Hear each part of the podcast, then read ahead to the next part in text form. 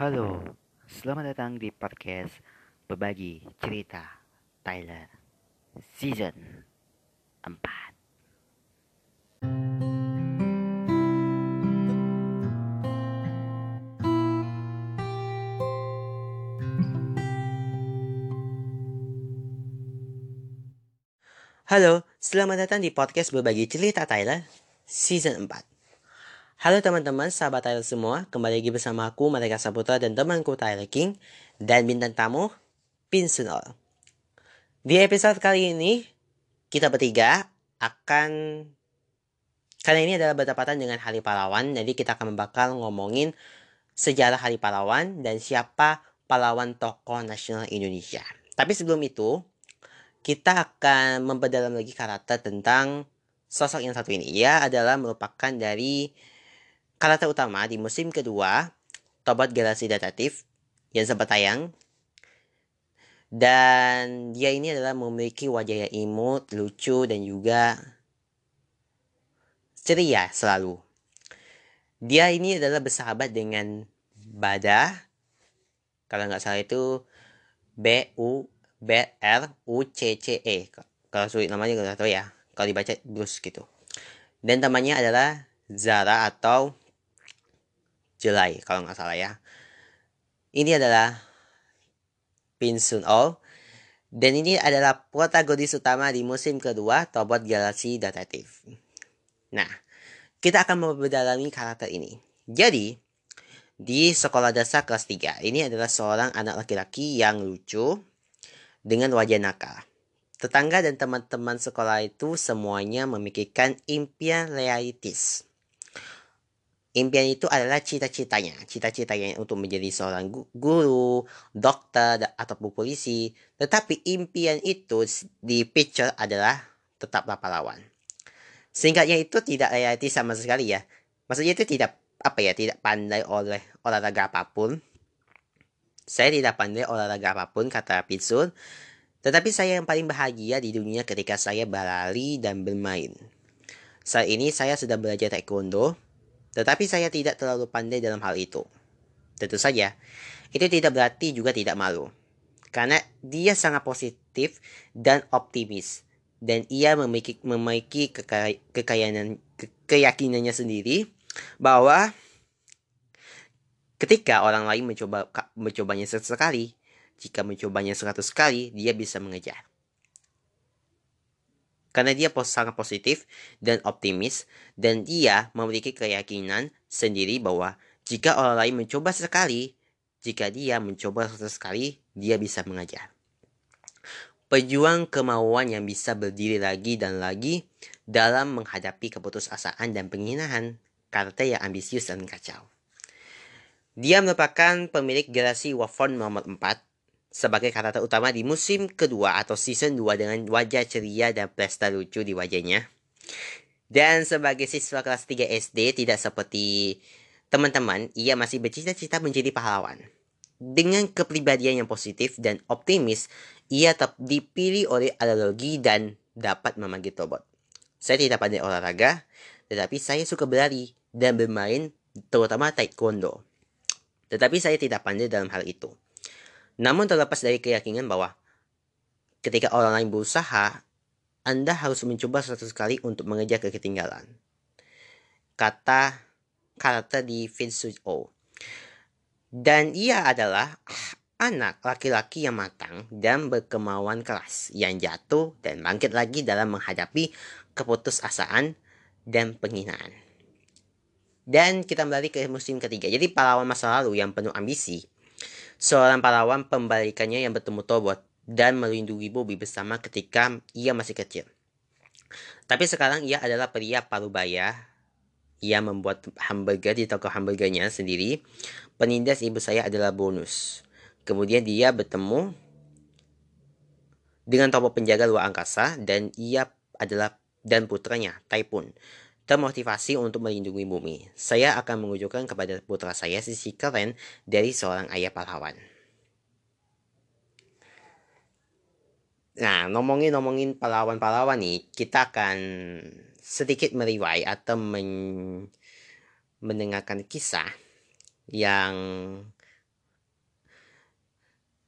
Oke, kita kita akan lihat dulu sejarah-sejarah Hari Pahlawan ya. Kita akan cari sejarah Hari Pahlawan.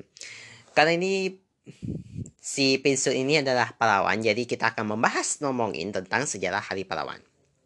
Oke, sejarah Hari Pahlawan yang diperingati setiap tanggal 10 November. Jadi, Hari Pahlawan ini diperingati untuk menenang jasa menenang kembali jasa dan perjuangan para pahlawan untuk menyusir penjajahan dari Indonesia. Hari Pahlawan 10 November merupakan satu peristiwa penting dalam sejarah negara Republik Indonesia. Peringatan Hari Pahlawan 10 November ini juga sebagai pengingat pertempuran Surabaya yang terjadi pada 1945. Pada saat itu, rakyat Surabaya bersama para pejuang bertempur melawan tentara Inggris. Pertempuran Surabaya pada 10 November 1945 itu pun ditetapkan sebagai Hari Pahlawan melalui Kepres nomor 316 tahun 1959 pada 16 September 1959. Nah, keputusan itu ditetapkan oleh Presiden Soekarno. Presiden pertama kita Republik Indonesia yaitu Soekarno ya. Jadi dilansir dari berbagai sumber, berdasarkan buku Bung Tomo, Hidup dan Mati Pengoban Semangat Tempur 10 November karya Abu Wahid, pertempuran itu dipicu dengan sejumlah hal. Peristiwa itu bermula ketika setelah terjadinya kekalahan Jepang, Kemudian rakyat dan pejuang Indonesia berupaya keras mendesak para tentara Jepang untuk menyerahkan semua senjata kepada Indonesia. Kita lanjut. Setelah proklamasi 17 Agustus 1945, situasi Indonesia belum stabil. Saat itu Indonesia masih bergejolak terutama antara rakyat dan tentara asing. Pada 10 November 1945 terjadi pertempuran besar pasca kemerdekaan yang dikenal dengan yang dikenal juga dengan pertempuran Surabaya. Setelah Indonesia memproklamasikan kemerdekaan pada 17 Agustus 1945, pemerintah mengeluarkan maklumat yang menetapkan mulai Sabtu September 1945 bendera nasional Sang Saka Merah Putih dikibarkan di seluruh wilayah Indonesia. Gerakan pengibaran bendera tersebut meluas ke seluruh daerah-daerah termasuk di Surabaya. Pada pertengahan September, tentara Inggris mendarat di Jakarta dan mereka berada di Surabaya pada 25 September 1945. Tentara Inggris tergabung dalam Alice Force Netherlands East Inggris atau AFNEI datang bersama dengan tentara NICA atau Netherlands Inggris Civil Administration, tugas mereka adalah meluculin tentara Jepang dan memulangkan mereka ke negaranya masing-masing. Membebaskan tawanan perang yang ditahan oleh Jepang dan sekaligus mengembalikan Indonesia kepada pemerintahan Belanda sebagai negara jelajah. Hal ini memicu kemarahan warga Surabaya. Mereka menganggap bendera menghina kemerdekaan Indonesia dan melecehkan bendera merah putih. Nah, mereka berprotes nih dengan berkerumun di depan Hotel Yamaha dan meminta bendera Belanda diturunkan lalu dikibarkan bendera Indonesia. Pada 27 Oktober 1945, perwakilan Indonesia berunding dengan pihak-pihak Belanda dan berakhir meruncing karena Poligman mengeluarkan pistol dan terjadilah perkelahian dalam ruangan perundungan tersebut. Perundingan tersebut ya, maksud kami. Kita lanjut ya. Hingga akhirnya, Polekeman itu tewas dicekik oleh sidik di Hotel Yamaha dan terjadi kericuan. Nah, sejumlah warga ini masuk ke hotel, tetapi Hario dan Koesno Wibowo itu berhasil merobek bagian biru, ya, merobek bagian biru Belanda-Belanda sehingga bendera menjadi merah putih. Nah, kemudian pada 29 Oktober 1945, pihak Indonesia dan Inggris sepakat mendatangani genjatan senjata. Namun keesokan harinya, kedua pihak bentrok dan menyebabkan Brigadir Jenderal Malabi, pemimpin pimpinan tentara Inggris tewas, tertembak hingga mobilnya ditumpangi diledakan oleh emisi. Nah, melalui Mayor Jenderal Robert Moses pengganti Malabi ini, ia merupakan ulti Matum yang menyebutkan bahwa semua pimpinan dan orang Indonesia bersenjata harus melapor ketika meledakkan senjata di tempat yang ditentukan. Nah, tidak dari itu guys. Mereka pun meminta orang Indonesia menyerahkan diri dengan mengangkat tangan di atas dengan batas ultimatum pada pukul 6 pagi pada sebelum 10 November 1945. Ultimatum itu tersebut membuat rakyat Surabaya marah sehingga terjadilah pertempuran 10 November itu. Perang antara kedua kubu berlangsung sekitar tiga minggu. Tokoh perjuangan yang menggerakkan rakyat Surabaya antara lain Sutomo, K. Haji Hasim Asyawari, dan juga Wahab Asbullah. Maaf ya saya ngomong ya. Oke, makna dari pahlawan. Kita akan cari tahu ya. Makna Hari Pahlawan. Oke. Kisah perjuangan rakyat Indonesia sebelum dan pasca kemerdekaan muncul dalam buku sejarah pelajaran sekolah mulai dari SD hingga SMA. Kisah tersebut tidak hanya menunjukkan sejarah negara, melainkan juga mengajarkan keteladanan kepada anak-anak Indonesia, seperti kejujuran, kegigihan, pantang menyerah, dan melakukan kewajiban dan hak.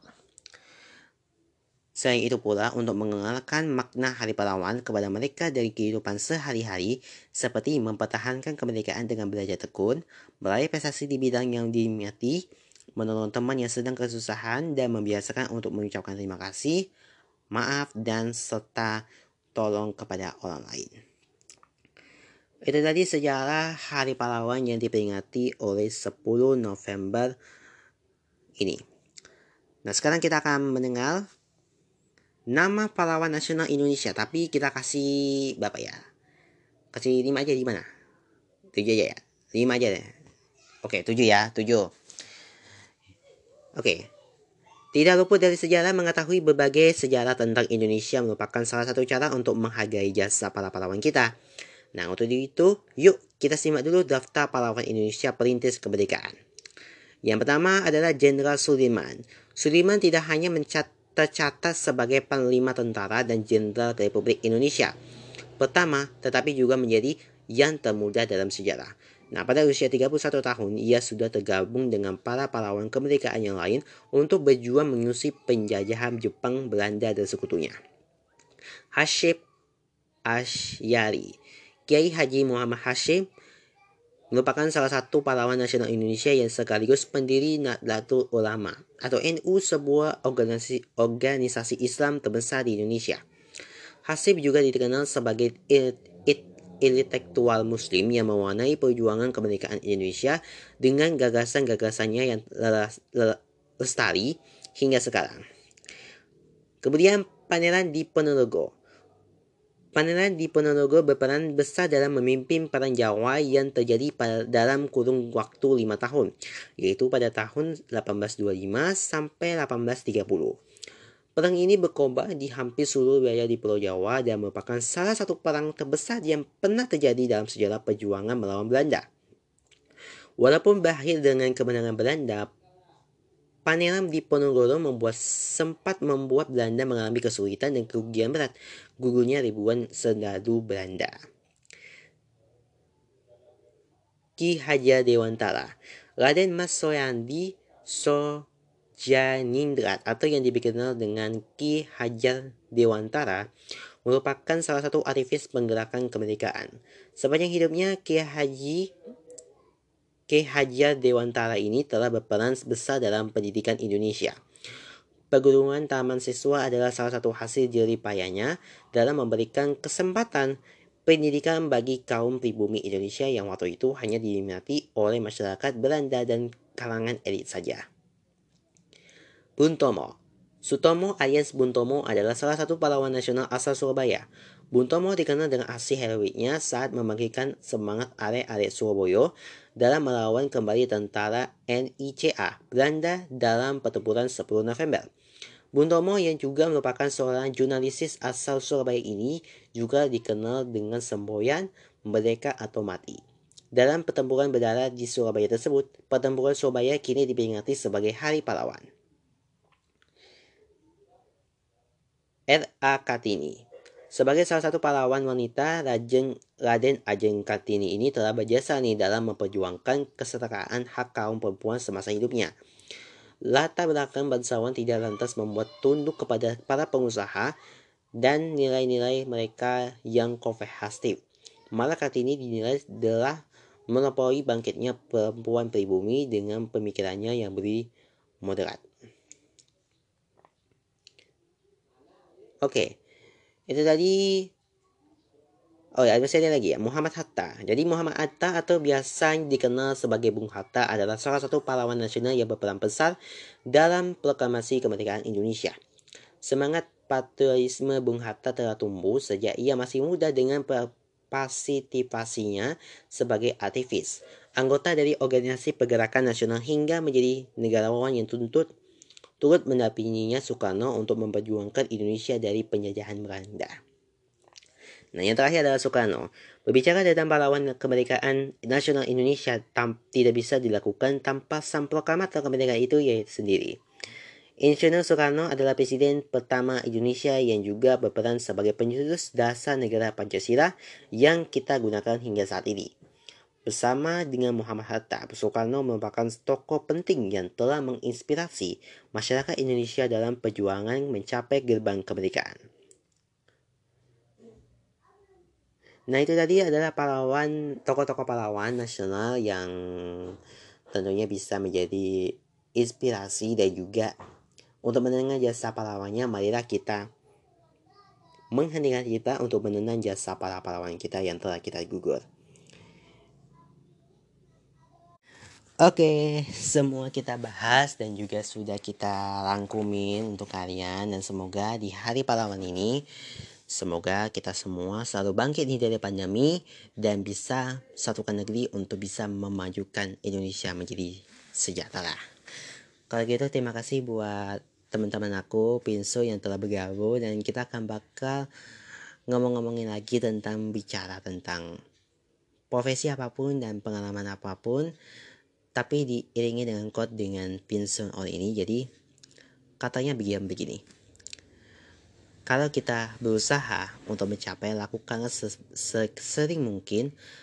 Lakukan dan mencobalah suatu kali, dia bisa mengejar. Itu kata pepatahnya.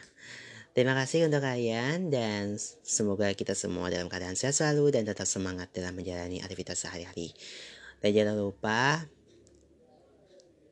follow kita di Spotify, podcast berbagi cerita Tyler dan nyalakan lonceng supaya bisa kamu menginspirasi banyak orang. Dan jangan lupa share ke teman-teman kalian jika kamu membutuhkan pengalaman yang kamu menginspirasi dalam hidup kamu. Terima kasih juga untuk kalian semua yang sudah kalian dengerin dan sampai jumpa lagi ya di episode-episode berikutnya yang tak kalah menarik dan tak kalah unik. Sampai jumpa. Terima kasih buat kalian. Terima kasih Visum. Dah.